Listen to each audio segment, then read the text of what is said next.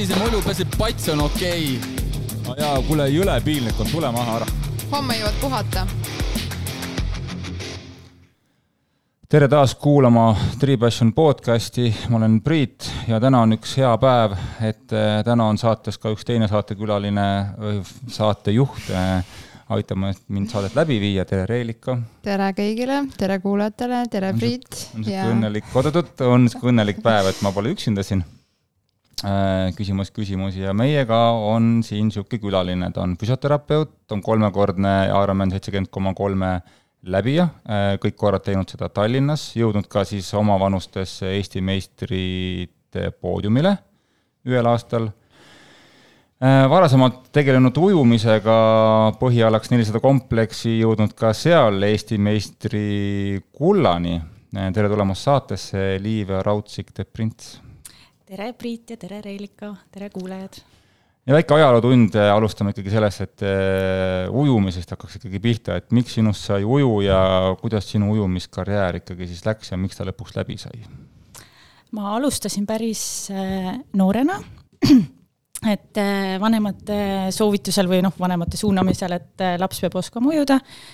ja siis äh, niimoodi tõsisemalt hakkasin treenima, kui ma olin üheksa äh, Kalevi ujumisklubis Bruno Noppose käe all. sul on vanem õde ka, kas seal oli ka mingisugune see teema ka, et õde oli ees ja siis pidi ka minema või? no meil oli jah, isa põhimõtteliselt, äh, lapsed peavad oskama ujuda okay mis su ujumisest meelde on jäänud ja millal sul ujumises hakkasid asja, asjad välja tulema ja mm,? ma ei oskagi kohe niimoodi vastata, ma arvan, et äh, välja hakkas tulema üsna kohe, sest äh, ma käisin mingitel suvekursustel ja sealt kutsuti klubisse. ja siis tegelikult hakkaski juba, kui ma olin niisugune üheksane, siis hakkasime juba võistlustel käima ja, ja treenisime niisugune viis korda nädalas, et äh, ja see, et sa jõudsid neljasaja kompleksi juurde, kuidas see protsess käis? Ma arvan, et ma olen selline vastupidavustüüpi rohkem, et ma ei ole väga plahvatuslik ja, ja ei jaksa sprintida. et siis pikad, pikad distantsid sobisid mulle, mulle meeldis, kui oli raske. Äh, ja siis see nelisada kompleksi on, ma arvan, niisugune täpselt kõige rõvedam ujumisala et võidab see, kes põhimõtteliselt starti tuleb ja kes lõpuni ujub no enam-vähem kunagi olen kuulnud jah, neid lugusid, kus oli mingi kakssada de-, delfiini ja nelisada kompleksujujad on niisugused veits nagu teistsugused inimesed, on niisugused, kes trennis hoiavad omaette ja väga kellegagi ei räägi ja niisugused minu alad olid ka need kaks, mida sa mainisid. niisugused nagu imelikud natukene, et, et ülejäänud niisugused nagu noh, lõbusad, vaata, niisugused nagu sprinteri tüüpi ja siis aga vaata, ujumine ongi minu arust nii selline veits äh, eraklik. eraklik ala sobib niisugune introvertidele, et sa ei pea kellegagi suhtlema, ujud seal oma otsi edasi-tagasi nagu mingi vana autist. ja kui ei tahagi rääkida, siis sa ei jää lihtsalt seisma. Jah, jah, teed selle pöörde ära, treener karjub, oota, oota, siis ei kuule, teen edasi pöörde, ujun edasi. tean jah, mind kunagi visati ujumistrennis sellepärast välja, et ma olin vee all liiga palju mm meil oli tegelikult just see probleem, et me kogu aeg jutustasime otsas. ei, meil oli nii äh, kes on, kes Brunot tunneb, siis nad teavad, et Bruno trennis sellist asja ei tehtud. päriselt ka ta jätab siukse leebe mulje päriselt? ei. aga ma tervitan Brunot, kui ta seda kuulab. ma teen nii, et ta kuulab seda äh, mulle jättis alati Bruno siukse mulje, et ta on siuke laadna, siuke rahulik, siuke, ta oli ka suht noor treener ka ja, ja. me olime ta esimene nii-öelda see grupp. aa, ah, siis ta oli närvis, ma arvan, lihtsalt sellepärast võib-olla ja aga me olime ainus grupp, kes tegi alati ülikorralikult üket, siis vees ka ainult töö käis, et ei olnud mingit, ta oli ise alati kohal ka, et ma arvan, et see on ka oluline, et treener oli kohal ähm,. Tuleme siis kiirelt veel triatloni juurde ka, et äh, kuidas siis niisugused mõtted tulid, et äh, etteruttavalt võib-olla mainin ära ka, et äh, füsioteraapiat läksid sa magistrisse õppima ju Belgiasse, siis põhimõtteliselt nagu jäidki sinna ja oledki siis enamasti viimasel ajal olnud seal elanud ja seal töötanud Ehm, kuidas üldse Belgias see triatloni tegemine on, on see populaarne või? Äh, okei okay,, ma alustan siis sellest, et kuidas Belgias triatloniga on. Äh, jaa, äh, väga populaarne, ma ütleks, et kindlasti sama populaarne kui Eestis. võib-olla, mis mulle on nagu sealsetest väiksematest võistlustest nagu silma jäänud, et et äkki on natuke on sellist, võetakse võib-olla natuke vabamalt ja fun imalt seda, et ei ole kõikidel ainult äh, eraldisõidurattad ja kõige mingi uhkemad kiivrid, et natuke on sellist, ei oska öelda ma arvan, et saate aru, sellist, et sa võid oma tavalise rattaga sinna starti mm -hmm. minna ja, mhm. ja, ja lihtsalt lõbuga selle läbi teha, et äh, muidugi ma ei ole Eestis väiksematel võistlustel käinud, et võib-olla sinu on, on ka kas sa oskad soovitada ka, kui nüüd keegi tahaks Belgiasse võistlema minna, siis mis need võistlused võiks olla, mida võiks nagu proovida täitsa, et mitte just nagu siis ka võib-olla pool, poolpikkasid, täispikkasid, aga pigem just äkki mingisuguseid lühemaid olümpiaid, poolikuid, siuksed? pigem ei soovitaks, sest esiteks see ujumine on nagu üsna kohutav, seal see on kanalites, need on räpased, et kui ma, siin alati inimesed vinguvad, et harkvärv on nagu must ja kole, siis minu jaoks see tundub jumala okei okay.. et, et seal see avavujumine on väga piiratud, meil on küll on palju merd, aga seal on hästi nagu suured hoovused ja, ja tõusud, mõõnad, et seal meres väga palju ei saa treenida. Siis meil on paar mingit tehisjärve, kus tohib teatud ajahetkedel nädalas käia, tasu, pead tasuma selle eest ka. Mm.. Äh, ja nagu need kanalid on ikkagist noh no see ei ole mõnus niisugune mudavann seal, et äh, nüüd nad sel aastal esimest korda on Ironman äh, Belgias, et ma huviga ootan, mis inimeste kogemus seal on. kus see on siis? see on seal minu lähedal, mina elan Brüžis, Brüži lähedal Knokes mere ääres, et seal peaks ujumine meres olema aga, aga ma ütlengi, et see nii oleneb ilmast, et kui on kehvad vee nagu mereolud, siis eh, nad võivad vabalt selle ujumisega ära jätta mm,. see on niisugune riski business, kus sa noh, tahad ikka täispikka teha, siis ei taha vähem ujuda. no põnev um,. aga kuidas sa jõudsid triatloni juurde um,? See oli nii, et mul tuttavad kutsusid mind neli aastat tagasi tiimi tegema poolikul Ironmanil. Ja siis ma mõtlesin, et eh, noh, jooksmas ma käisin niikuinii, ujuda ma nagu ka oskan. Ja jalgratas mul oli isegi olemas, maanteeratas, mida ma ei kasutanud. ja siis mul oli kuidagi niisugune, et noh, ma ei hakka mingi selle kahe kilomeetri ujumise pärast Hispaaniasse sõitma. Ja, ja siis, eh, siis ma ütlesingi, et davai, et ma teen, teen ise selle läbi niimoodi niimoodi ma selleni jõudsin. aga tuleme siis tänase põhiteema juurde, mul on see, miks me sind siia täna saatesse kutsusime, et me oleme saanud aru, et sa oled tegelenud viimased neli aastat siis põhimõtteliselt naiste tervise, siis naiste tervisega, mis on seoses spordiga. et ähm, nüüd äh, hakkan mina siit vaikselt mikrofonist eemal e, eemalduma ja tüdrukud hakkavad rääkima. no ma ei tea, sul on ka naistreenitavad no,, no, nii et äh, sa pead ikka olema ja võib-olla mul kunagi on tütred näiteks või siis on ka ja, nagu ja. päris keeruline. ja kusjuures äh, tänasesse päeva tulles siis enne, kui ma siia tulin, ma just vaatasin, täna on naiste Tour de France'i viimane etapp, eraldi start. ja kui meeste, no lihtsalt hakkasin mõtlema, et et meeste Tour de France on siis kakskümmend üks etappi, naistel on kaheksa. et äh, mis see siis on naiste ja meeste puhul nii erinev? no erinevusi on palju, aga ma arvan, et see, et, et naistel lastakse nii vähe seal sõita, et see on üldse just, kas ma tean õigesti, et teine aasta alles tehakse seda naiste Tour de France'i et eks nad nagu testivad ja mm., ja vaatavad, et, et kuidas see, kuidas see võistlus läheb ja kuidas naised nagu nii-öelda vastu peavad, kuigi äh, tegelikult naised ju me teame, et ultraüritustel, kui me vaatame üldse niisuguseid pikamaa sporte, et siis naiste ja meeste vahe on oluliselt väiksem mm -hmm. kui mingitel sprindidistantsidel, et et ma usun, et kindlasti võiks nendel naistel noh, lasta pikemalt, aga ma usun, et et see tuleb üldse tagasi selle juurde, kuidas me, sport on ikkagist endiselt meestemaailm kuigi me näeme, et äh, viimastel aastatel äh, naiste osalus on nagu nii rahvaspordis kui, kui rahvusvahelisel äh, olümpiamängudel, MM-idel nagu põhimõtteliselt võrdne meestega mm. -hmm. mul tuleb kohe meelde ka see, et ähm, kas taliolümpiaga oli mingi teema, et äh, meeste suusahüpped on olümpiaala, aga naiste suusahüpped ei ole? on vist jah. või oli kahevõistlus, kas kahevõistlus, kahevõistlus? jaa, okei okay,, jah et ikka ei ole päris võrdne. ei ole jah, et, äh, et jah, ikka endiselt äh, on naised natuke diskrimineeritud. aga ma olen ka nõus sellega, et naised on äh, tulnud tugevamalt sporti, kas või meie klubi liikmeidki vaadata, siis meil on naiste osakaal on päris, päris kõrge. eriti, kusjuures minu arust Eestis on see nagu juba varasemalt, et ma mäletan alati rahvaspordiüritustel oli naisi nagu ikka palju, et kui ma kümme aastat tagasi läksin Belgiasse, siis äh, ma käisin seal mingitel poolmaratonidel ja ma olin umbes ainuke naine, või no mitte ainus, aga väga, seal oli väga vähe naisi. ja nüüd on viimastel aastatel hakanud ka tõusma, aga isegi kui lihtsalt käid, äh, teed trenni, siis põhiliselt näed mehi. Umbes on mingi trendivärk tänapäeval, et see fitness on nii moes, vaata, et no kindlasti, aga see on hea, see on ju hea no, mood, kui meil on niisugused moed, trendid no mis on siis füsioloogiliselt peamised, äh, ma ei tea, mis eristab mehi ja naisi just nagu sportlikus äh, võtmes või füüsilises?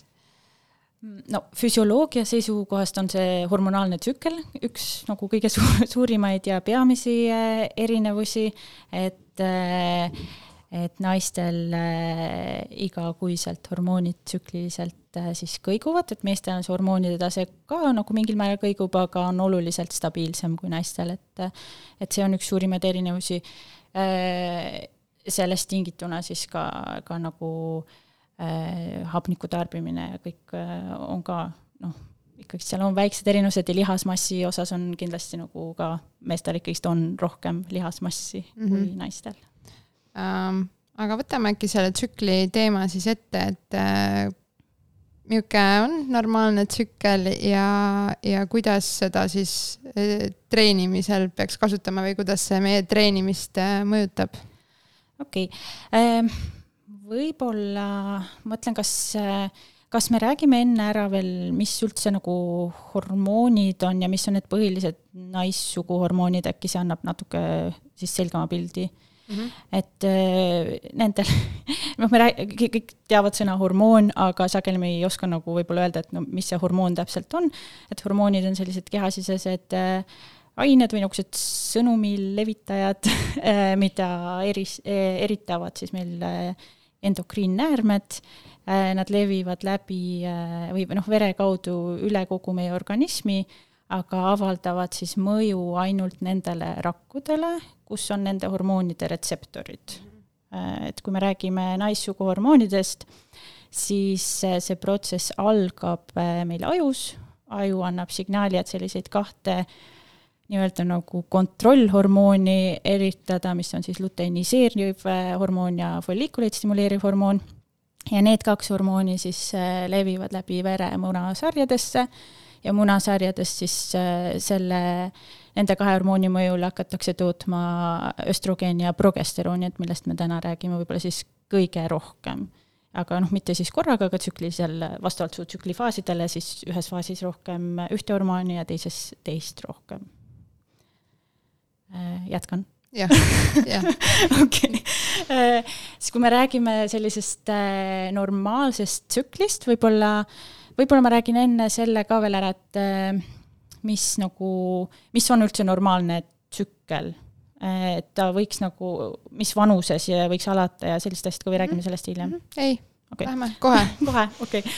Äh, et tüdrukul võiks hakka, hakata päevad vanuses üksteist kuni neliteist mm. -hmm et kui, äh, kui ei ole alanud äh, kuueteistkümnendaks eluaastaks, et siis tasuks pöörduda arsti poole kindlasti, sest noh, hilinenud puberteet äh, on probleem, see võib olla märk mingist tervisehäirest, see võib olla märk sellest, et on, on ülepingutatud kas treeninguga või on mingid toitumisprobleemid, ja see selles suhtes avaldab mõju ka ja meie luutervisele, luumassi kujunemisele, et selles suhtes seda ei tohiks nagu tähelepanuta jätta ja ei tohiks nagu, kui näiteks minnakse äh, arsti juurde ja arst ütleb, et olgu, et äh, proovime siis pillidega, et siis see ei tohiks olla esimene lahendus, et peaks leidma üles selle algpõhjuse, et -hmm. miks, miks ei ole päevasid.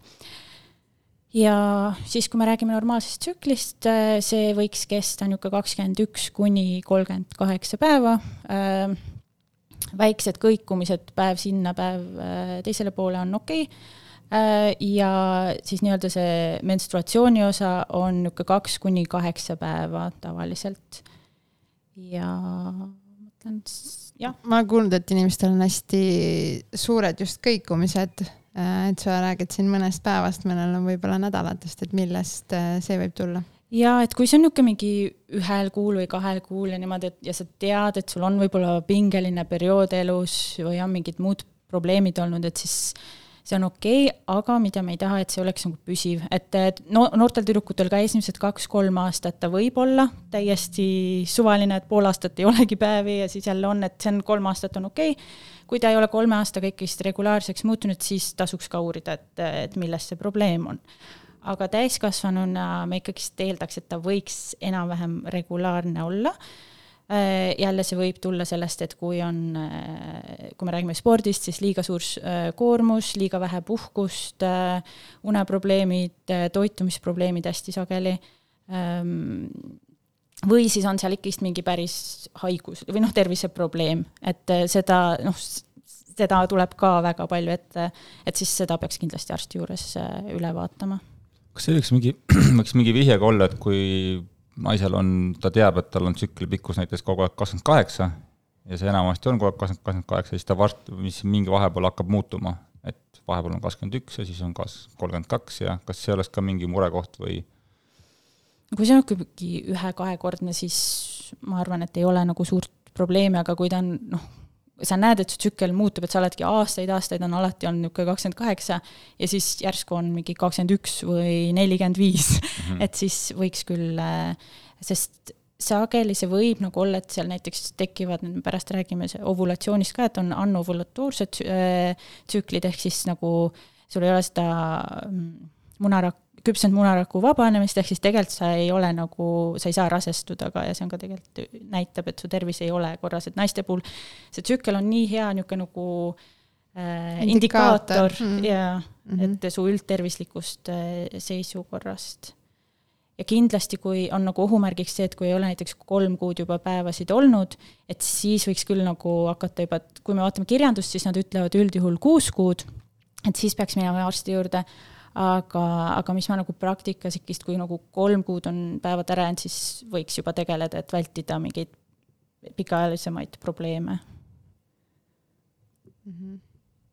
aga tsükli seos treenimisega siis ikkagi või, või need faasid või faasid, kuda, kuidas sellest nagu räägitakse, ega mina ei tea okei ähm,, võib-olla jah, räägime selle normaalse tsükli faasid läbi ja siis me jõuame pärast rääkida sellest, et mis on nagu, äh, mis on probleem selles nagu miks me ei saa öelda nagu täpselt, et selles faasis sa pead niimoodi treenima ja, ja selles faasis niimoodi. ei saa või? ma olen küll kuulnud, et öeldakse no ei saa kahjuks äh,. aga ähm, meie tsükkel, tsükli esimeseks päevaks loetakse siis äh, esimest päeva, kui sul on, hakkab menstruatsioon ehk siis veritsus.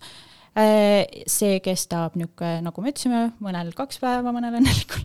Äh, ja siis äh, kuni kaheksa päeva loetakse normaalseks.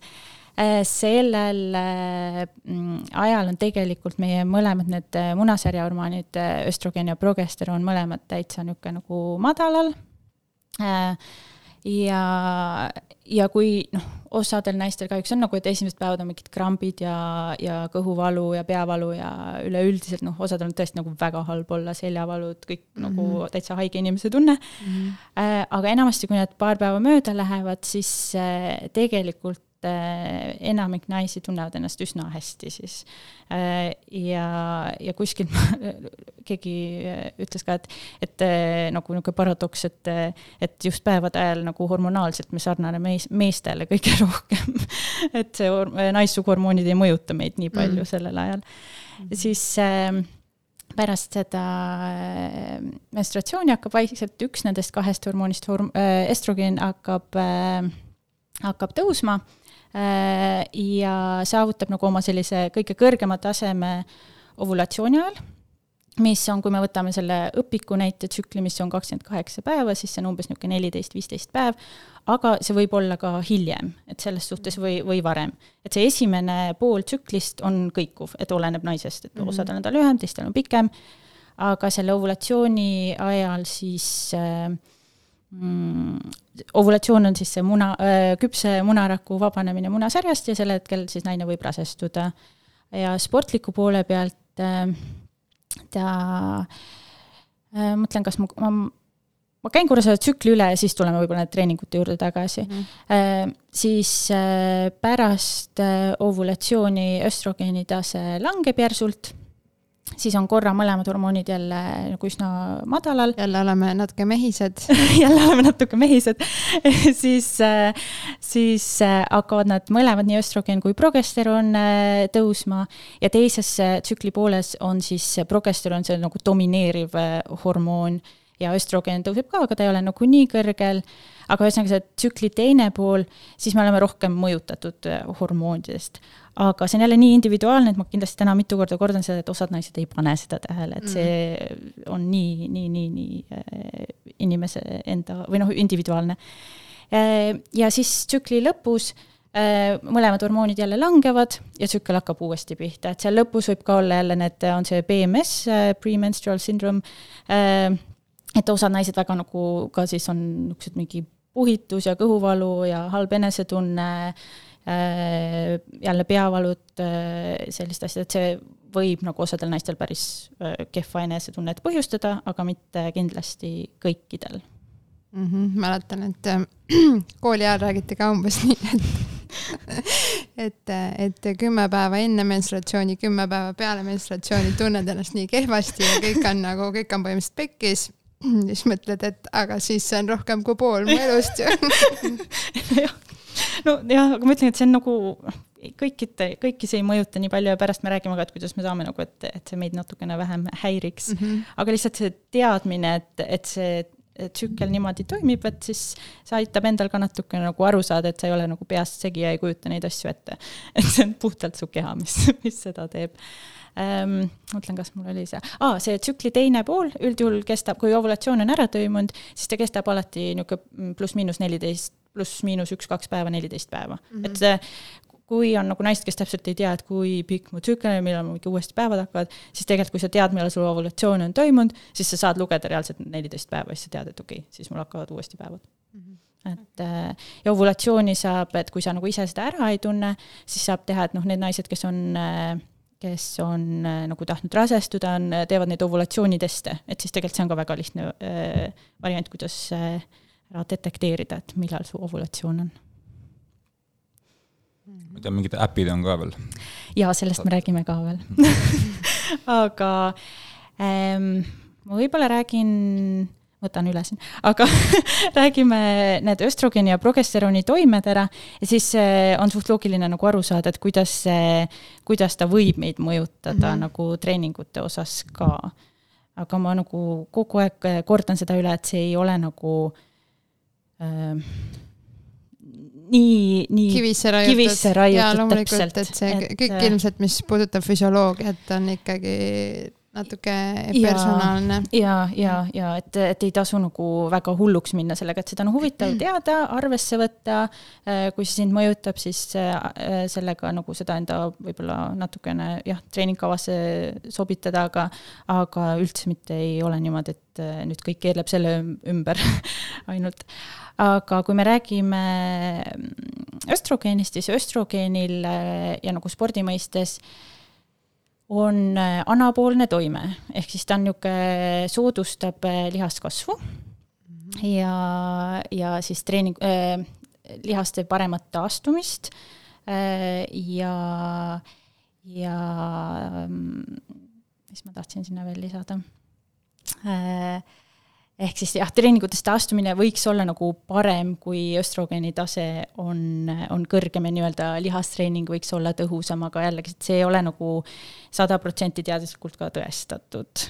aga sellist, mõned uuringud sellekohased on olemas täitsa ja östrogeenil on, noh, kuida-, kuidas ta mõjutab meie lihaseid, no see, et äh, ma enne ütlesin ka, et nagu teatud hormoonidel on retseptorid mingites äh, rakkudes ja need östrogeeni vastuvõtja retseptorid on siis lihastes ka. -hmm. ja mis isegi nagu lihastest võib-olla olulisem on, et, et meil on ka luukoes äh, need retseptorid ja luugude on üsna nagu seotud östrogeeni tasemega, et selles suhtes on on, äh, on hästi oluline see äh, normaalne tsükli toimimine just äh, nagu noh, terve su fertiilse ea, aga teismeeas, et naised saavutavad oma selle maksimaalse luutiheduse niisugune kahekümnendaks eluaastaks. et kui me seal, sellel ajal on probleem, et tsüklit ei ole, ehk siis nagu östrogeeni tase on madal, siis me ei saavuta ka seda maksimaalset äh, luutihedust, mis tekitab siis alguses suurema riski näiteks äh, nendele väsimusmurdudele. Mm., see on viimasel ajal noh, hästi palju on ju kuuled, et sportlastel on probleemid, ja siis äh, vanemas eas suurem risk osteoporoosile, et need kaks asja on küll nagu täitsa teaduslikult ka tõestatud et selles suhtes östroogeenil on väga oluline roll ja, ja mis seda östrogeeni ja luu äh, seost veel näitab, on näiteks pärast äh, menopausi naistel vaata ka luutihedus hästi mm -hmm. kiirelt langeb ja samamoodi lihasmass ka, et, et selles suhtes seal on kindlasti selline link olemas. päris huvitav. ei teadnudki et, et võib-olla see on ka üks põhjus, miks, miks noored tüdrukud ei peaks nagu kohe pillide peale minema et see pillid ikkagist nagu natuke takistavad seda maksimaalse luutiheduse saavutamist, et võiks nagu enne välja selgitada, et eh, mis näiteks, kui, kui pillid kirjutatakse tsüklihäirete pärast, siis peaks ikkagi selle algpõhjuse välja selgitama, et eh, miks tüdrukul ei ole nagu regulaarne tsükkel, sest äh, muidu me nii-öelda varjame selle probleemi ära nende pillidega mm. -hmm. ja siis östroogeenist veel östrogeen mõjutab meie, meie seda natukene niisugust meie meeleolu ka, et tal on äh, mõju ka serotoniini vabastamisele, serotoniin on siis see heaoluhormoon, et äh, et üldjuhul ja kui äh, östrogeen on nagu ka kõrgemal, siis on ka nagu tuju parem mitte kõikidel jälle, aga ta võib, võib seda mõjutada. ja võib-olla nagu selle ainevahetuse koha pealt äh, seal on ka noh, need on natuke sellised võib-olla küsitavad, aga mingil määral on seal ka tõendust, et, et äh, östrogeen soodustab äh, rasvade kasutamist äh, energiaallikana. ehk siis võiks mõelda, et niisugused pikad rahulikud trennid ja, ja, ja see nagu östrogeeni toimel sa suudad kauem, pead, pead kauem vastu mm, mm okay. ja teisest küljest ta äh, soodustab ka süsivesikute talletamist äh, lihastes. Äh, et siis, äh, noh, need on niisugused, selle kohta jah, nagu leiab kirjandust, aga ta ei ole ka jälle nii nagu kivisse raiutud okay. ja siis mõtlen, kas seal oli midagi veel, mis ma tahtsin östrogeeni kohta öelda ähm,. pärast äkki tuleb meelde, aga progesteroon, siis see teine munasarja hormoon on vastupidi, on katapoolse toimega, ehk siis ta pigem nagu soodustab seda lihaste lõhustamist, ma ei tea, kas see on õige, õige sõna, lõhustamine, Priit? nojah või kuidas sa ütleks? ma ei mäleta neid asju enam nii väga. okei okay., äh, kaks füsioterapeuti. Äh, aga ehk siis nagu teoorias äh, võib olla, et kui progesterooni tase on kõrge, ehk siis selles tsükli teises faasis on lihasmassi raskem kasvatada, treeningutest taastumine võib olla natukene aeglasem ähm, ta siis iseenesest soodustab või noh, nagu kiirendab meil seda ainevahetust ka tõstab keha temperatuuri niisugune keskmiselt poole kraadi võrra, mis võib äh, kaasa tuua selle, et näiteks kui sa kuumas kliimas äh, treenid, et siis sul on veits raskem mm. et, et keha ei, keha on nagu niikuinii juba kuumem ja siis äh, ta võib seda mõjutada äh,. ja, ja mis äh,, aga tal on ka positiivne mõju äh, luukoele, et selles suhtes ta ei ole ainult niisugune nagu see paha hormoon ja, ja noh, selles suhtes meil on seda ainevahetuse kiirenemist ka nagu vaja selles teises faasis e ja, ja noh, üldse rääkimata sellest, et ta on väga oluline meie fertiilsuse juures. et kui me praegu räägime ainult spordist, aga me jätame kõrvale selle fertiilsuse osa, aga mõlemad hormoonid mm -hmm. on mhm. nagu äärmiselt olulised selle jaoks Äh, ja, ja ainevahetuse koha pealt veel see, et progesteroon siis äh, ta pigem soodustab seda rasvade talletamist, et kui östrogeen soodust-, soodustas nende kasutuselevõttu, siis progesteroon so-, äh, soodustab nende talletamist ja progesteroon muudab ka äh, raskemaks ka selle, et me saaks neid äh, talletatud äh, või ladestatud äh, süsivesikuid kätte äh, lihastest ja maksast. ehk siis see need naised, kes on nagu tundlikumad hormoonide mõjule, nendel võib olla nagu selles tsükli teises pooles äh, olulisem see, et sa nagu enne trenni sööd ja kui on pikad nagu trennid mitmetunnised, sa kindlasti nagu treeningu ajal toitud äh, korralikult ja, ja pärast treeningut ka, noh, see pärast treeningut on niikuinii kõikidele alati igas faasis oluline, aga, aga just, et võib-olla ekstra tähelepanu pöörata sellele treeningu eelsele ja aegsele äh, söömisele, süsivesikutele, sest äh, sa saad nagu need sellest välistest allikatest küll kiirelt ja ilusti kätte, et see ei ole kindlasti mingi probleem, aga lihtsalt sa ei saa nagu loota sellele, et aa, et ma sõin hommikul korralikult ja nüüd on nagu õhtul on okei okay, okei okay see trenn nagu ära teha nende varude pealt, et sa ei saa neid varusid võib-olla nii lihtsalt kätte aga jälle see ei ole nagu kõikidel nii mm. -hmm. kas siis äh, äh, ma küsin siis nii, et äh, selle jutu põhjal, mis sa rääkisid, ma enda nagu loogikaga siis ütleks nii, et, äh, et tugevamad trennid võiks teha tsükli esimeses pooles ja hiljem siis pigem äh, kergemad või? see nagu, kõlab hästi lihtsalt ja loogiliselt äh, ja palju nagu just noh, sotsiaalmeedias alati proovitakse näiteks asju lihtsustada ja hästi niimoodi üldistada, aga ma arvan, et kõige parem, äh, kuidas ma ütlen, see info on nagu hea teada, siis järgmine samm võiks olla see, et sa jälgid oma tsüklit, võime sellest ka kohe rääkida, ja siis vaadata, et kas see on sinu jaoks oluline, et see on üleüldse, ma arvan, kogu kõik nagu treeningu ja toitumise puhul ka, et alati, kui mingid uued asjad tulevad välja, et siis mõelda, et nagu, et kas minul on vaja seda jälgida, et kas see on minu jaoks oluline, et sama selle tsükli järgi, treenimise järgi aga näiteks kui sa tunned tõesti, et sul on nagu täiega power'it, et seal alguses panna, et siis võib vabalt ju nagu teha niimoodi, et sa siis pingutadki rohkem, sul on vähem taastumisaega vaja ja võib-olla seal tsükli teises pooles sa võid, võid kõiki trenne teha, et sa ei pea tegema ainult hingamisharjutusi ja joogat mm. -hmm aga et lihtsalt sa ise oled teadlikum, et okei okay,, paned võib-olla rohkem tähelepanu toitumisele ja, ja puhkusele siis, et siis sa suudad sama hästi need tugevad trennid seal teises pooles ära teha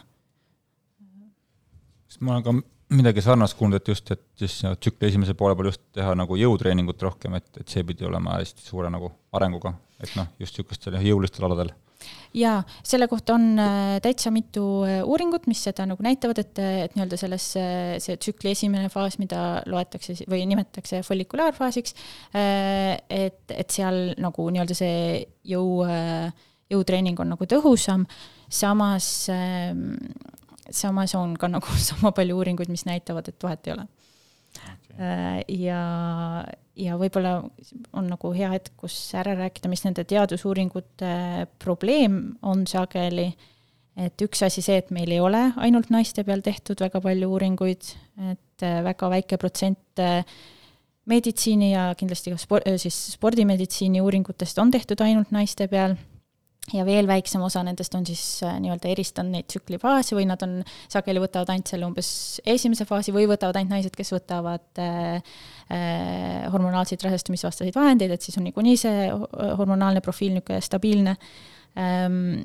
või siis äh, kui nad isegi erist- äh,, teevadki nagu uuringu, kus nad vaatavad erinevaid faase, siis see, need meetodi, meetodid ei ole alati nii, nii noh, head selles osas, et nad eeldavad mingeid asju, et nad ongi, et nad äh, ei testi alati, nüüd on palju paremad uuringud nagu juba välja tulnud ja välja tulemas, kus reaalselt võetakse nagu ikkagist vereproovid igapäevaselt ja vaadatakse hormoonide tase, aga sageli nad noh, lihtsalt teevad niisugune um-, umbkaudselt on tehtud, et ei ole nagu nii täpne et seetõttu on nagu üsna võimatu anda mingeid üldiseid juhiseid või sellised, et nüüd igaüks peaks niimoodi treenima ja selles faasis pead seda tegema ja siis pead seda, et, et et üks asi on see, et meil on kaks naist, kes, kellel on äh, erinevad tsüklid äh, ja tegelikult nagu ma arvan, et enamik naisi teavad ka, et sul võib olla kuude lõikes erinevusi äh, ja teine asi on see, et sul võib isegi täitsa normaalne tsükkel olla, aga mõni kuu see hormoonitase on natuke kõrgem, teinekord madalam välised tegurid, äh, töö, eraelu, äh, treeningud, toitumine, magamine, magamine täpselt, et see kõik mõjutab ka, kui, kui palju sa nagu äh, reageerid nende hormoonide kõikumisele, et et seetõttu on neid uuringuid nagu raske teha, aga neid selles suhtes tehakse ja selles väga, väga nagu nüüd. see on kindlasti sihuke nii-öelda uus äh, valdkond ka veel, mida alles võib-olla no, rohkem hakatakse uurima, ma just mõtlen, kui kaua sellest nagu üldse räägitud on nii-öelda siis tsükli ja võib-olla just selle spordi äh, nagu seostest tegelikult on päris ammu juba neid uuringuid tehtud, et see ei ole kindlasti nagu uus asi, aga ta on lihtsalt võib-olla niisugune viimase kuue aastaga tulnud rohkem nagu äh, päevakorrale või noh, rohkem räägitakse sellest, aga neid uuringuid on tehtud nagu mm. ammu-ammu juba, aga nüüd jah äh,, on nagu rohkem saab see meediakajastust ja jõudnud nagu nii-öelda sellisesse mainstream meediasse. ma arvan küll, et esimest korda seda kuulsin üldse sellist, noh, sellist äh, rohkem äh, naistest, naistesspordi juttu oli täpselt vahetult enne Covidit, mingi kaks tuhat, mingi seitseteist, kaheksateist mingisugustel spordikonverentsidel oli sellest juttu ja siis muidugi tuli mingi paus vahele paar aastat ja ei olnud mingit enam juttu. aga ma kujutan ette jah, et kuna need tsüklid on erinevad, äh, ka sama isiku puhul siis leida niisugune hom-, homo, homogaanne grupp, Äh, a la mingi viissada tuhat inimest või siis tuhat, tuhat nagu naist, keda siis kuidagi uurida ja hinnata mingeid asju on päris nagu, nagu keeruline. jaa, aga võib-olla siin Priit juba mainis äppe, et võib-olla räägimegi selle track imise ära, et mida üldse teha siis, et kui meil ei ole nagu väga häid teadusuuringuid, kõik on niisugune, et mingi võib-olla, võib-olla mitte et äh, mis praegu, mis mina ka nagu oma äh, oma töös kasutan ja mis on nagu kõige selles suhtes ka, et nagu nende teadusuuringute soovitused alati on siis see, et ikkagist niisugune individuaalne lähenemine ja, ja, ja siis jälgida iseenda tsüklit äh, niisugune kolme kuni kuue kuu vältel. Äh, ja seda saab teha siis näiteks lihtsalt paberi ja pliiatsiga kirjutad üles või siis kasutad mingeid äppe. Aga kui sa kasutad lihtsalt niisugust tavalist kalendrit ja kirjutad sinna üles, siis võiks, äh, mis võiks nagu üles märkida, on see, et äh, ongi su päevade algus, mitu päeva kestavad, siis ka kui sa märkad mingeid erinevusi selle verevoolu hulgas, siis kuidas sa erinevatel päevadel ennast tunned, et enesetunne, väsimusaste, millised trennid sa tegid, kuidas su toitumine oli, kuidas su niisugune üleüldine meeleolu oli ja kas olid mingeid lisa, lisategureid võid ka kirja panna. et see on nagu natuke toimetamist, aga samas siis, kui sa seda paar nagu nädalat teed, siis see muutub nii automaatseks ja, ja jälgid seda niisugune, ma ütleks, et kolm kuud on miinimum, võiks natuke rohkem ikkagist teha.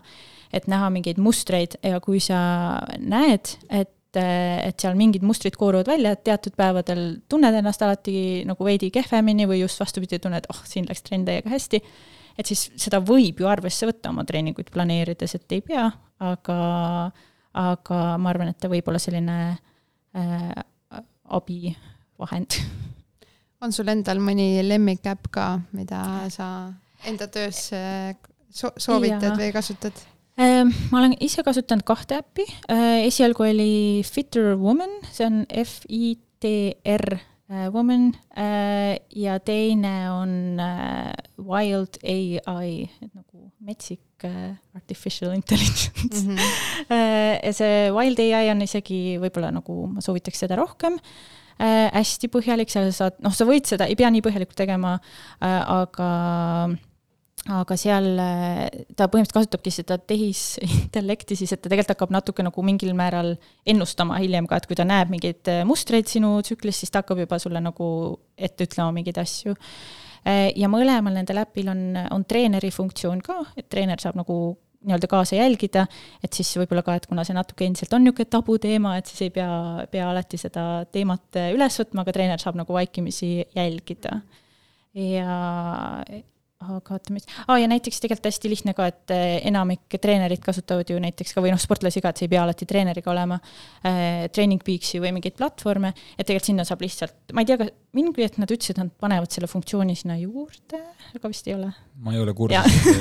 aga, Training Peaksiga ei ole kursis, aga. aa, okei aga ühesõnaga sinna saab nagu, sa saad kasvõi sinna märkmetesse kirjutada enda jaoks mingid asjad üles, et siis. aga see, aga, aga see tundub täitsa loogiline, et Training Peaksis võiks see asi olla? jah on ju, et, et see, ma arvan, et see tsükli jälgimine paar kuud annab juba päris ilusa pildi ja kui sa ei näe mingeid muutusi ja ei tunne, et sul sind kuidagi segaks või muudaks, et siis sa ei pea seda edasi track ima, et lihtsalt et, et siis lihtsalt teed oma trenne edasi, nagu sa oled neid teinud mm. -hmm. aga ma mõtlen, et ähm, paljud naised kasutavad, on ju ka hormonaalseid rasestumisest vastaseid vahendeid, et kuidas äh, sellel puhul siis on, kas on, kuidas need hormoonid muutuvad või ka see track imise pool, kas me peaks tundma ennast kuidagi teistmoodi, kui ma olen selles olukorras või? jaa, et selles suhtes väga õige point, et vist pooled naistest kasutavad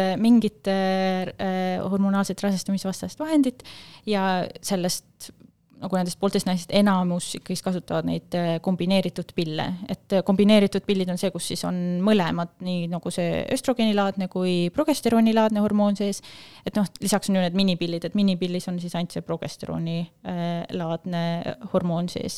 aga ma mõtlesin, et toome näitena selle kombineeritud pilli, et see on kõige, kõige rohkem kasutatud mm, -hmm. et tegelikult ju on meil nii palju erinevaid, on veel spiraal ja on, on need äh, ring ja siis on, või see rõngas ja plaastrid, plaastrid mm -hmm. ja aga ma arvan, et äh, püsime nende pillide juures. Jah, ma arvan ka.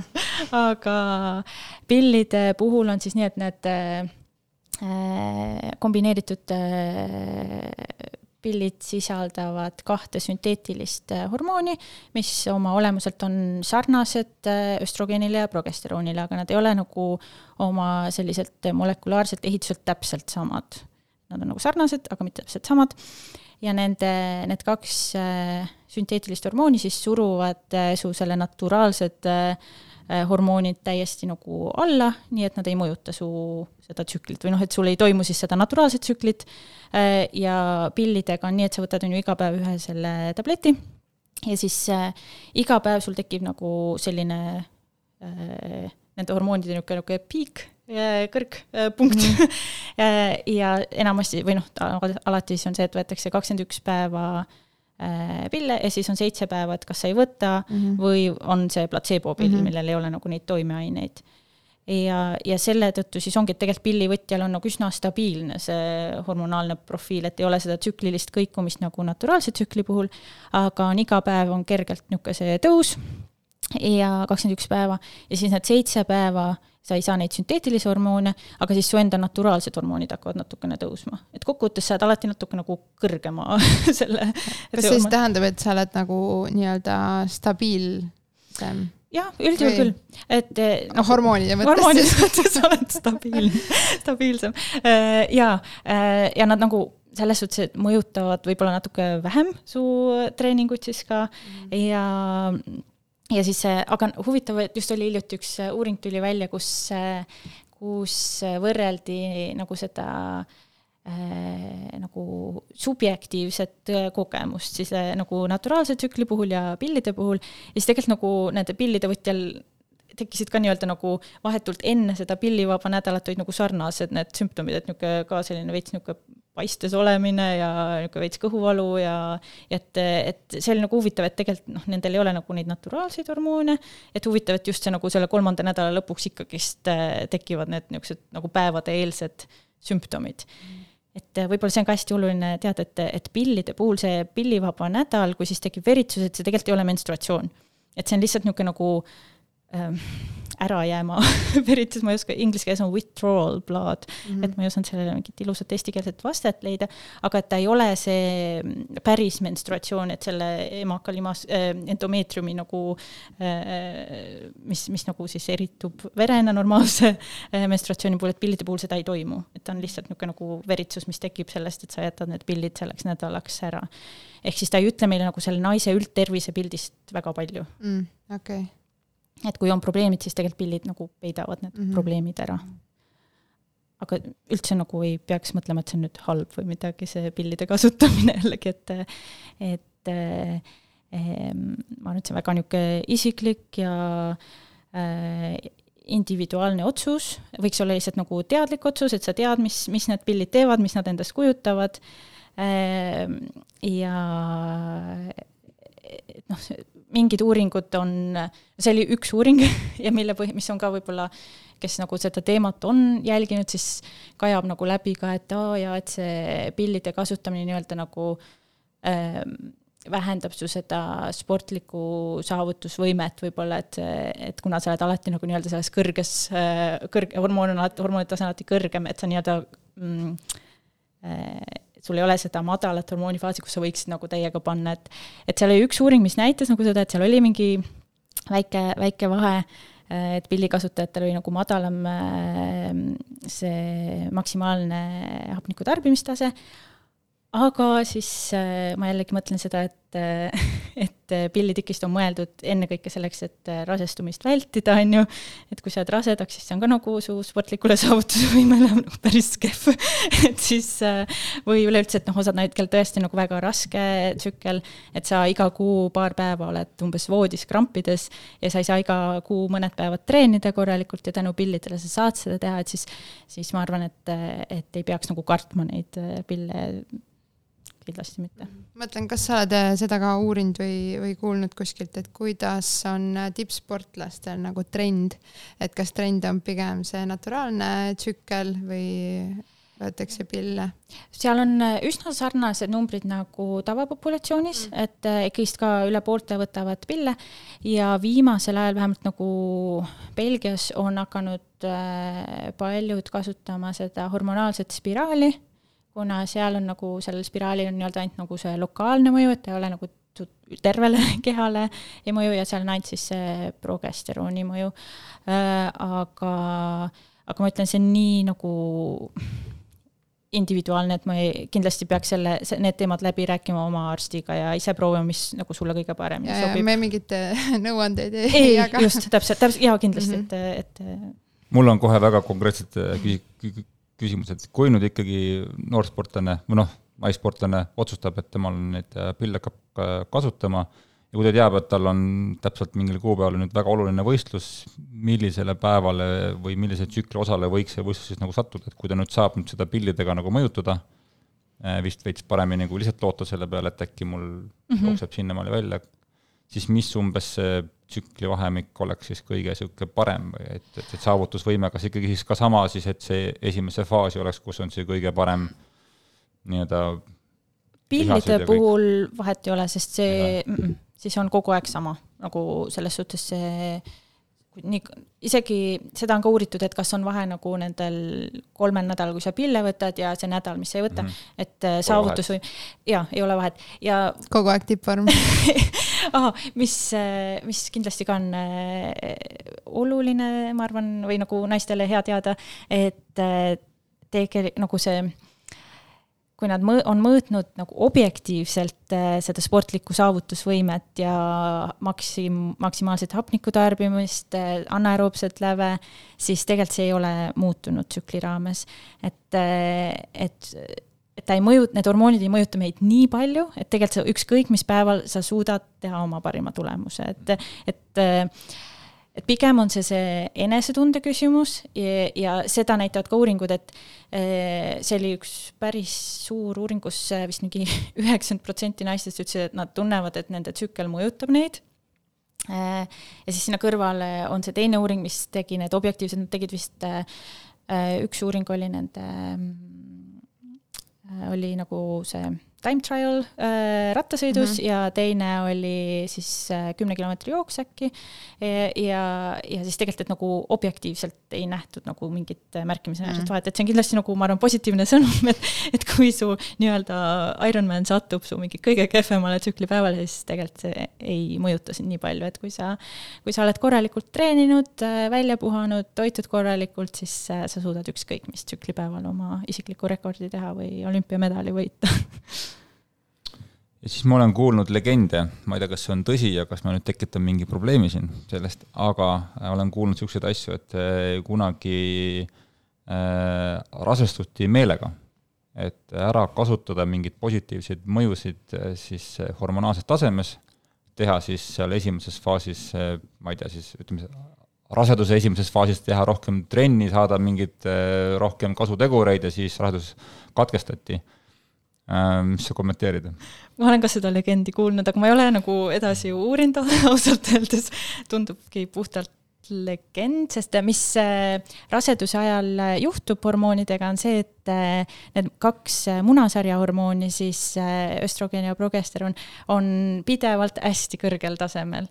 et, ähm, et selles suhtes Äh, ma ei oska nagu isegi kommenteerida, kas see nagu päriselt siis seda sportlikku võimekust kuidagi parandab. pigem ma nagu pigem arvaks oma see, koge-, oma kogemusest, et see esimene trimester on üldse väga nagu mõõnaperiood, et keegi ei taha midagi teha seal, et äh, kuigi tegelikult no omast kogemusest nüüd äh, pigem nagu see spordi tegemine sel ajal just nagu aitas kogu selle iivelduse okay. vastu ja, ja pigem oli nagu hea olla, aga see on jälle nii individuaalne ja jah et aga ma jah, see, ma arvan, et see on legend, aga ma olen ka seda kuulnud. mingi Nõukogude jutt oli see vist. no kuskilt sealt tuli, jah. nii äh,, mul oli üks kolmas küsimus ka, aga see läks juba minema mm.. kui me oleme selle nüüd ära vist kõik rääkinud, on ju, siis äh, kas me võime edasi rääkida sellest, mis on nüüd see seos näiteks äh, toitumisega või üldse energia tasakaaluga? jaa, ähm, võib-olla korraks veel rõhutaks seda ka, et, äh, et me rääkisime nüüd hästi palju, et kuidas äh, naised et noh, mis on nagu see naiste ja meeste erinevus, aga et ei, ei maksa nagu mõelda ka seda, et nüüd, et aa, meil ei ole naiste peal uuringuid ja mingi, ma ei, naisena ma ei tea üldse, mis ma tegema pean, aga et see baasfüsioloogia ikkagist on sama ja et nagu need teadmised, mis meil on inimese füsioloogiast, anatoomiast, treeningu füsioloogiast, et et, et see ikkagist nagu kehtib naistele ka, et, et ei pea nagu muretsema, et nüüd on kõik vale, mis me seni oleme teinud, et kindlasti, kindlasti mitte.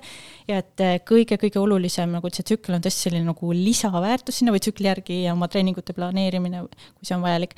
Äh, aga et see kõige olulisem ikkagist on see optimaalne treeningkoormus, et sa treenid vastavalt sellele, mis nagu, mis su võimed on ja et sa puhkad piisavalt ja, ja toitud korralikult, et need kolm asja, et kui, kui need kolm asja ei ole paigas, siis äh, siis nagu vahet ei ole, kui sa lähed ka oma parimal tsüklipäeval starti.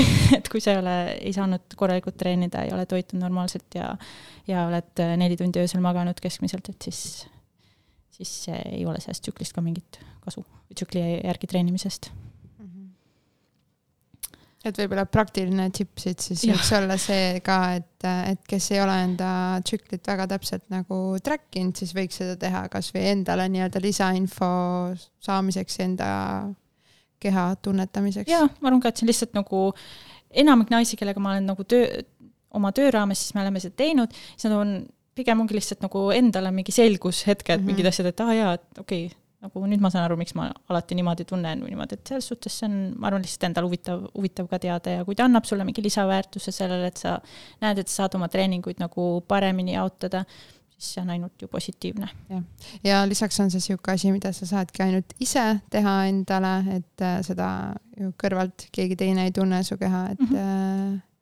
et äh, selles mõttes jah. jah. niisugune aga toitumise poole pealt eh, kohe küsiks siukse stereotüüpse küsimuse, et eh, mis nende isudega siis on?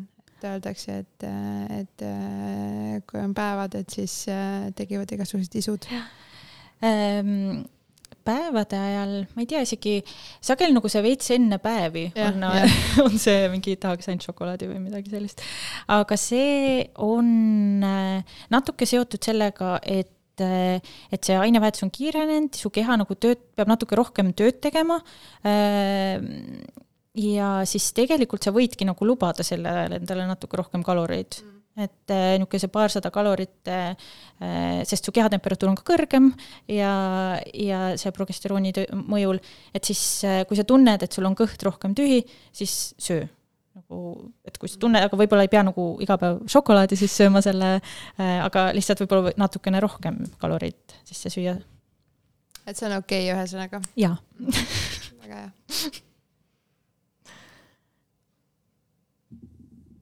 aga Priit, toitumise kohta tahtsid küsida?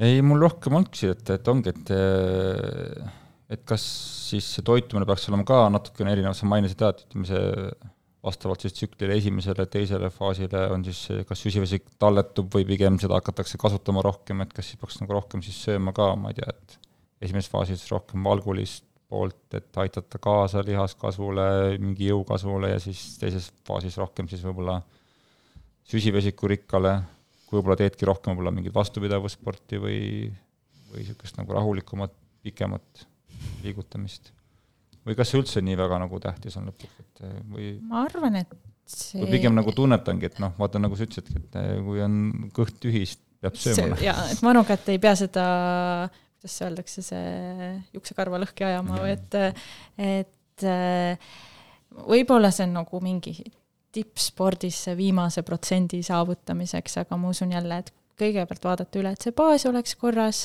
ja siis äh, jah, no ma arvan, et nagu naissportlaste puhul niikuinii on oluline see, et, et nagu mitte piirata oma toitumist, piisavalt süsivesikuid, neid on meil vaja, spordis kindlasti, vastupidavusspordis kohe eriti, et see kõige kiirem ja kõige lihtsam meie kehale on nagu süsivesikutest seda energiat saada ja pärast trenni siis naiste puhul nagu see Äh, taastumine, nad, see on nagu vähem aega, et võiks ikkagist nagu selle esimese, kui sa tead, et sa ei saa nagu tunni aja jooksul mingit korralikku sööki teha mm, -hmm. et siis võiks mingi, mingi snäkk või mingi asi kaasas olla, kus sul on nagu valgu ja süsivesiku segu, et see võiks küll niisuguse esimese tunni jooksul võiks, võiks selle ära tarbida. et kui sa ei, kui sa ei saa selle aja jooksul nagu enda õhtusööki või lõunasööki või hommikusööki söödud ja see on küll sihuke asi, mida ma olen ise ka tunnetanud, et kui sa ikka kohe peale trenni ei saa seda oma sööki kätte, võib-olla see on meestel sama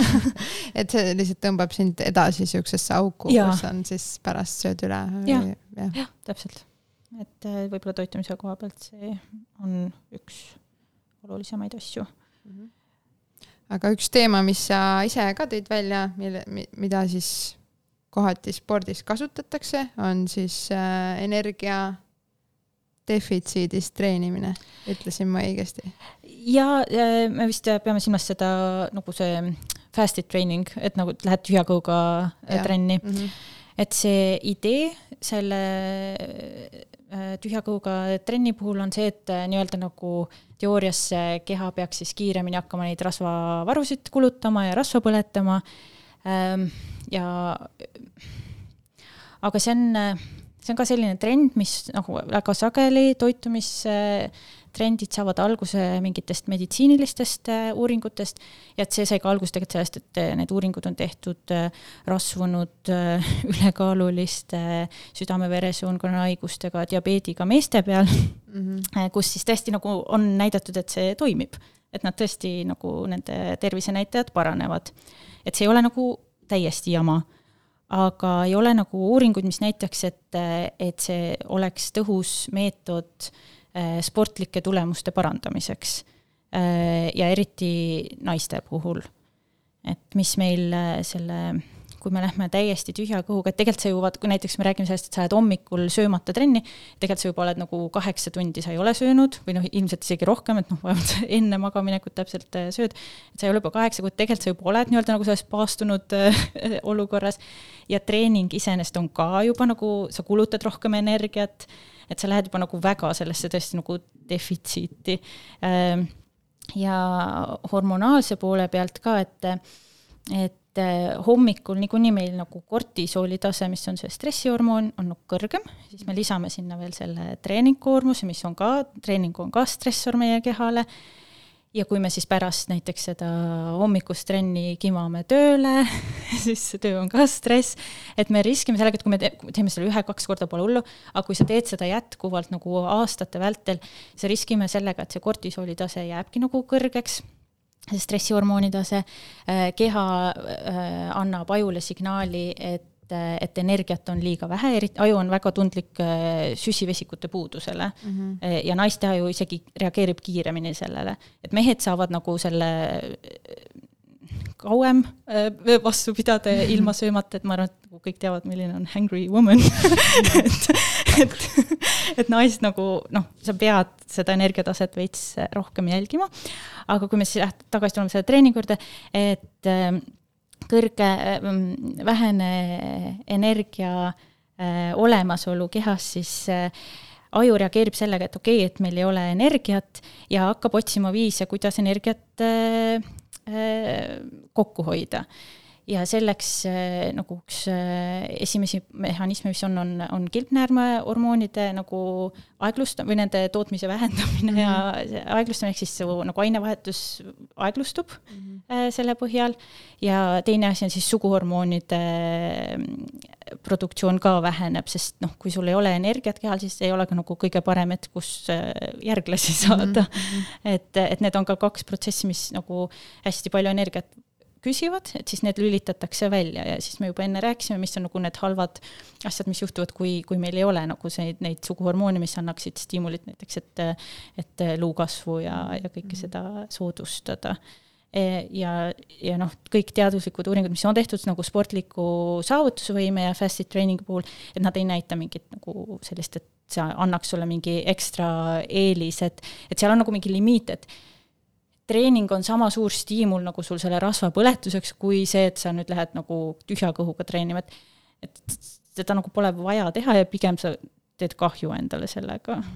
et eh, kui sa oled lihtsalt selline ülekaaluline ja tahad natuke kaalu langetada, sul ei ole eesmärgiks see, et sa tahad äh, ongi äh, mingit triatloni, pikka triatloni läbida või, või oma kümne kilomeetri aega parandada, siis sa võid seda teha, aga, aga tegelikult ka kõik äh, samamoodi need tervislike näitajate uuringud, kus vaadatakse siis seda südame-veresoonkonna ja diabeedi ja kõik need, et tegelikult see lihtsalt kaloraaži vähendamine nende inimeste puhul annab sama tulemuse, et sa ei pea seda tegema, seda fast'it ja intermittent fasting ut. jah, et kui me räägime treenimisest ja, ja üldse sellest, siis me räägime ju elustiilidest ja et see noh, jah, et üks-kaks korda või mingid üksikud juhtumid, see on okei okay,, aga kui me räägime nagu elustiil on nagu pikaaegne, siis äh, pigem ei ole mõtet teha niisugust asja. et no osad inimesed, ma tean, ütlevad, et kui ma olen nagu enda nende naistega töö juures, naissportlastega enda töö raames, siis nad ütlevad, aga noh, ainus variant mul on hommikul minna trenni ja mul tõesti ei lähe mitte midagi alla. siis okei okay,, sa võid seda nagu kaks korda nädalas teha, aga see treening võiks jääda nagu hästi selliseks rahulikuks, taastavaks, eh, noh, täiesti selline madala pulsiga, maksimum, maksimum tund aega. Eh, et siis, siis nagu nii-öelda on näidatud, et siis ei ole neid kahjulikke mõjusid nii palju. aga, aga ja see toit ei pea nagu enne, enne seda trenni ka palju olema, et mingi pool banaani või või mingi väike sai natuke moosiga on ka täitsa piisav juba, et see ei pea olema mingi hunnik kaerahelbe putru. Äh, paar kommentaari ka, ma arvan, et seal on ka see vahe võib-olla meestega, et meestel võib-olla see suurema lihasmassi pärast, mis talletab ka süsivesikut, äkki ongi see, et miks see näljatunne võib-olla tuleb natukene hiljem, võib-olla lihtsalt kannatame seda paremini mingil määral, kui just seda hommikust ilma söömata trenni teha ja ma olen hästi palju, mis ma enda poolt tunnen, et kui ma neid hommikuasju teen, viimasel ajal ka hästi vähe, äh, ütleme nulltoiduga enam üldse ei tee, kunagi tegin hästi palju. Äh, nüüd ei tee enam üldse, sest et ma nagu kogu aeg tunnen seda, et nagu sa ütlesidki, see pool, kas või see pool banaanigi või või võtad mingi koorik leiba mingi mee või moosiga, ta annab ikkagi niisuguse, okei okay,, ta viskab korraks selle veresuhkru üles, on ju, aga ütleme, varasemalt oli ikkagi noh, niisugune poole tunni pealt juba oli veits paha olla, on ju siis ikkagi see hommikune trenn, sa võid nagu veits nagu pikemalt ja mõnusamalt teha, on ju, et ta kindlasti nagu aitab. Äh, ja siis ma arvan, mängib ka rolli kindlasti see ööuni, kuidas see oli, ja siis ka see, ütleme siis õhtusöök, on ju, et noh, kindlasti siis ma arvan, et kui ma söön mingi üheksa paiku äh, korralikult enam-vähem, lähen magan väga hästi, siis on hommikul kindlasti seda oluliselt parem teha kella mingi kuue-seitsmega, on ju kui, kui nüüd jaa, absoluutselt. kui nüüd ma ei tea, siis vastupidi, et kui ma näiteks ei söö õhtul väga midagi või ma ei tea, näksin lihtsalt midagi, arvan, et on hästi, tegelikult ei ole hästi ja siis tegelikult on hommikul veel, veel trenni ka veel, siis on küll see, et põhimõtteliselt sama päev oled suht vati sees, noh, et äh, ikkagi suht võlas oled. ja mul üks niisugune äh, case study enda äh, tutvusringkonnast ka, et kus Äh, üks äh, abielupaar, äh, naine, mees, naine on hästi sportlik, teeb ka Ironman'e ja on üliheas vormis, ta on äh,, läheneb viiekümnele. Ja, ja läks oma mehega, läksid sellisesse ka nagu teatud paastulaagrisse või sellisesse, aga lihtsalt puhtalt eksperimendi raames tahtis proovida, et mis juhtub. ja ta mees on pigem ka selline ülekaaluline, täiesti ebasportlik inimene. Ja siis tuli tegelikult täpselt need, tuligi välja, et mees selle nädalase paastuga äh, Äh, kaotas äh, rasvamassi, äh, tundis ennast väga hästi. Ja siis see naisterahvas, kes on nagu regulaarselt treenib noh, väga korralikult, tema kaotas äh, lihasmassi ja kaotas äh, luumassi ka, et selles suhtes kindlasti selline premenopausa-, naine ei, sa ei taha siis enda luumassi ja lihasmassi ka kaotada. ja noh, sportlikust saavutusvõimest äh, rääkides ka, et siis lihasmassi kadu on kindlasti ju negatiivne, et mis nad ka on nagu vaadanud nende Äh, et naiste puhul ka esimesena sa ei lähe nagu nende rasvavarude kallale, kallale, sest sa niikuinii, naised nagu põletavad seda rasva paremini kui mehed. Ähm, ja et e-, esimesena minnakse pigem äh, just lihaste, äh, lihase kallale et siis ma arvan, et see on üsna loogiline, et sportlasena sa ei taha lihasmassi kaotada. võib-olla seal on see ka, et kui sellel noh selle mehe puhul näiteks, et tal oli kuskilt võtta, vaata, tal on nagu, nagu nii-öelda nagu varusid, siis temal on nagu kohalt võtta, nagu noh, tunnebki ennast hästi, aga see naine, kui ta on regulaarselt treeninud, ta on juba võib-olla enne seda paastulaagrit juba veits juba niisugune võlas, vaata, et siis ja. see sinna otsa veel ja. panna, siis ongi see, et ongi võib-olla veits kehv nagu enesetunne. ja, ja võib-olla ongi, kui sellest võlast rääkida, siis me võimegi selle energiadefitsiidi osa ära rääkida, on ju, siis äh, ähm, et äh, jah, on selline kontseptsioon või kontsept nagu relative energy deficiency in sport ehk siis energiadefitsiit spordis. Äh, see kasvas välja äh, sellisest, ma arvan, et äh, Priit õppis ka veel seda naissportlase triaadi koolis või et see oli, kujutas endast siis tsüklihäiret või tsükli puudumist äh, siis äh, kehva luu tervist või noh, et vähe äh, noh, luu hõrenemist või, või siis lihtsalt, et ei ole see luu tugevus nii hea ja siis toitumishäiret. aga siis äh, mingi hetk saadi aru, et see on nagu väga selline limiteeriv kontsept, et ja esiteks, et seda esineb ka meestel, küll ilma siis selle tsüklihäireta. ja sellest kasvas välja see energiadefitsiit spordis, mis siis kujutabki endast seda, et et kehal ei ole piisavalt äh, energiat äh, või me kulutame rohkem energiat, kui, kui, kui sisse tuleb ja, ja selle põhjusteks siis ongi, et kas treen-, näiteks, et äh, oled treeningkoormust tõstnud, aga ei ole oma toitumist äh, nagu mm, toitumist äh, suurendanud rohkem ei ole, ei ole rohkem hakanud sööma äh, või siis äh, puhkad liiga vähe Äh, või siis äh, teadlikult oled hakanud toitumist piirama. või siis veel hullem, et oled kombinatsiooni teinud, et tõstad treeninguid ja sööd veel vähem.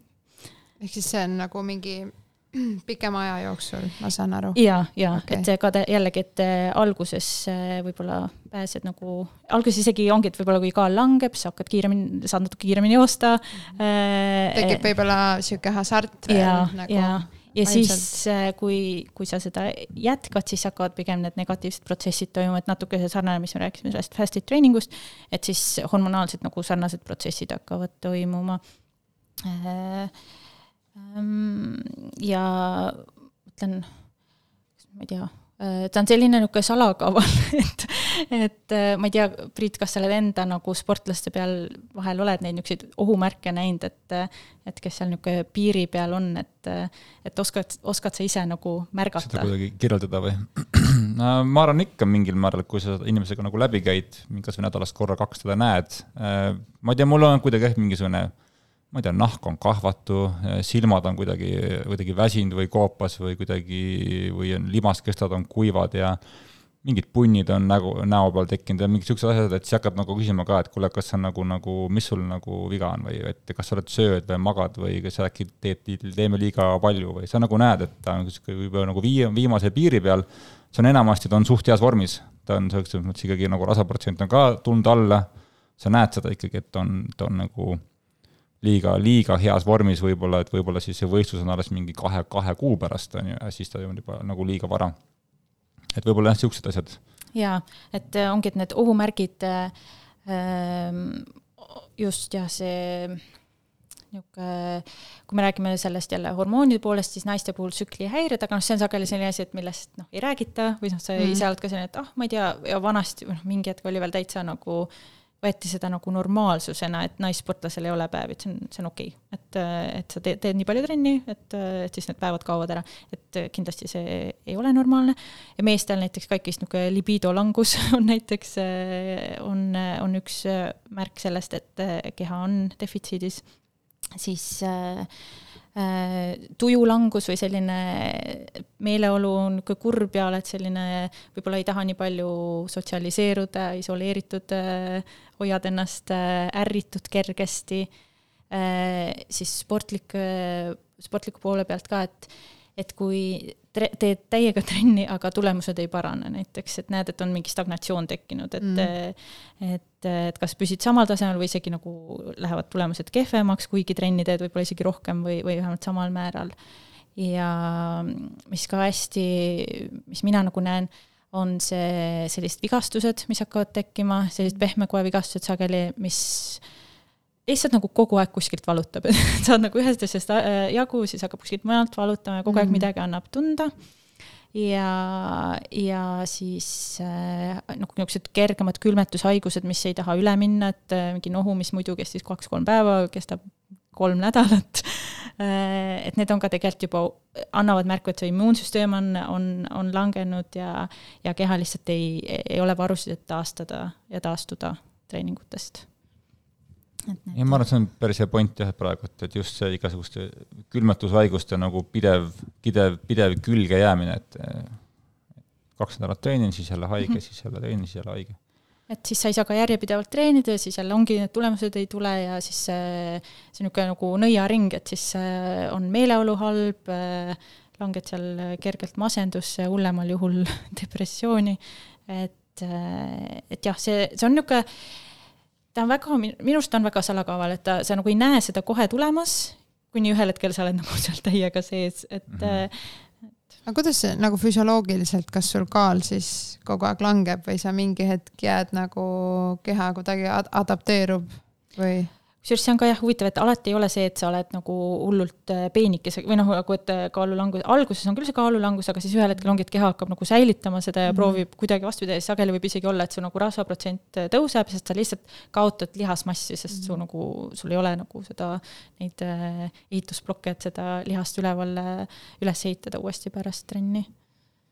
aga kui nüüd mõni inimene avastabki, et ma olen nüüd seal nii-öelda võla, võla nagu nii-öelda faasis, et mis see nagu soovitus oleks siis sinu poolt, et kas lihtsalt treeningkoormus mini-, minimaalseks tõmmata, hästi rahulikud treeningud üle päeva või paar korda nädalas ja lihtsalt hakatagi sööma põhimõtteliselt?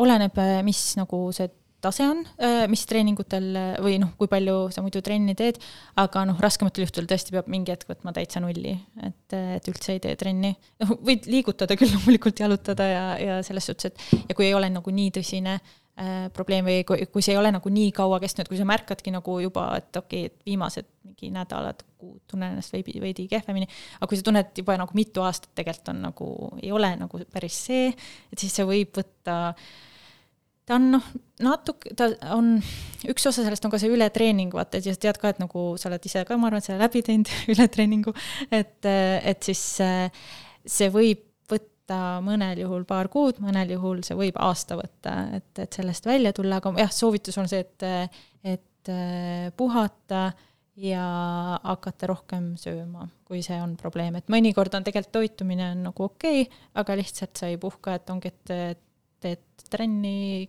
käid tööl täiskohaga, kodus on lapsed veel ja et, et see vaadata nagu see üldpilt üle võib-olla, et kus ma nagu oma elus olen liiga palju nõuan endalt. ja naiste puhul näiteks siis äh, võib-olla see, kui on nagu täitsa see, et on päevad ära jäänud, siis oodata, kuni tsükkel on taastunud vähemalt kolmeks kuuks, enne kui hakata nagu treeningkoormust tõstma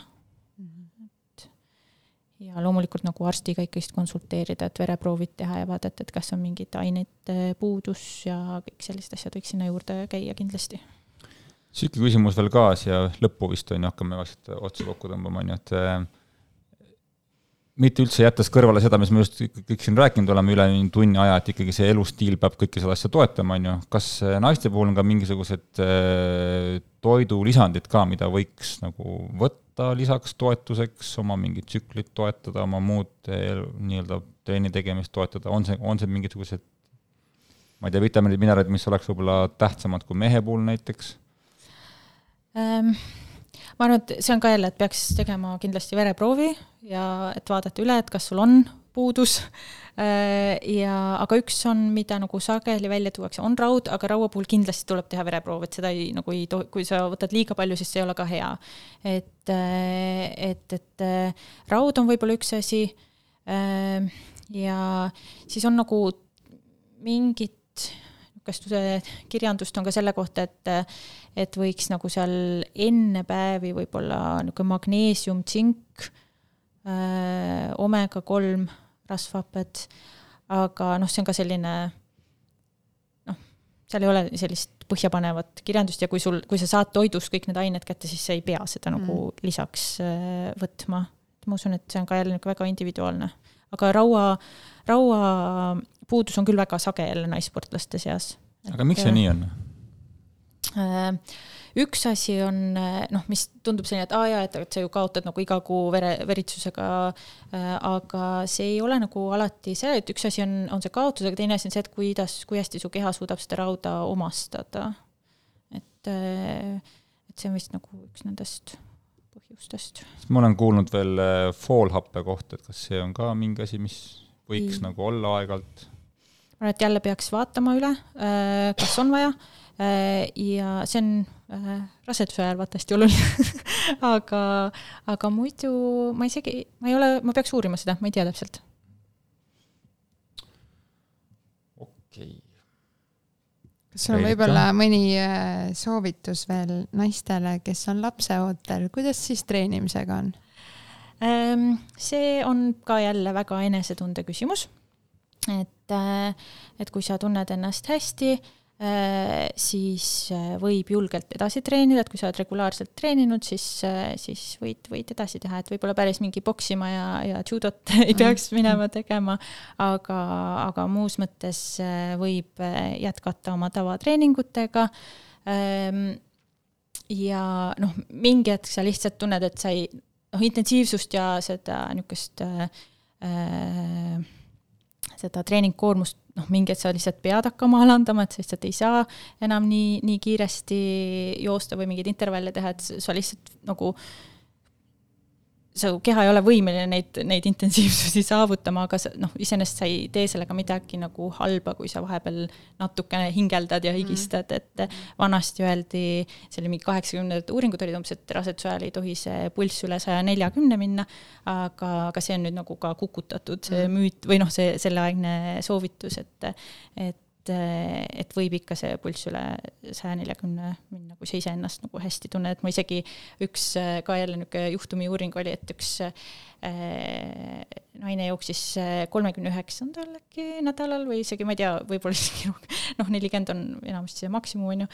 äh,, jooksis maratoni et samamoodi nagu hästi rahulikult jooksis, ta oli terve raseduse ajal saanud nagu edasi joosta ja siis jooksis selle maratoni läbi, aga noh, mitte et ma soovitaks nüüd kõikidel rasedatel maratoni minna jooksma, aga lihtsalt, et, et see on nagu, see ei ole ebatervislik.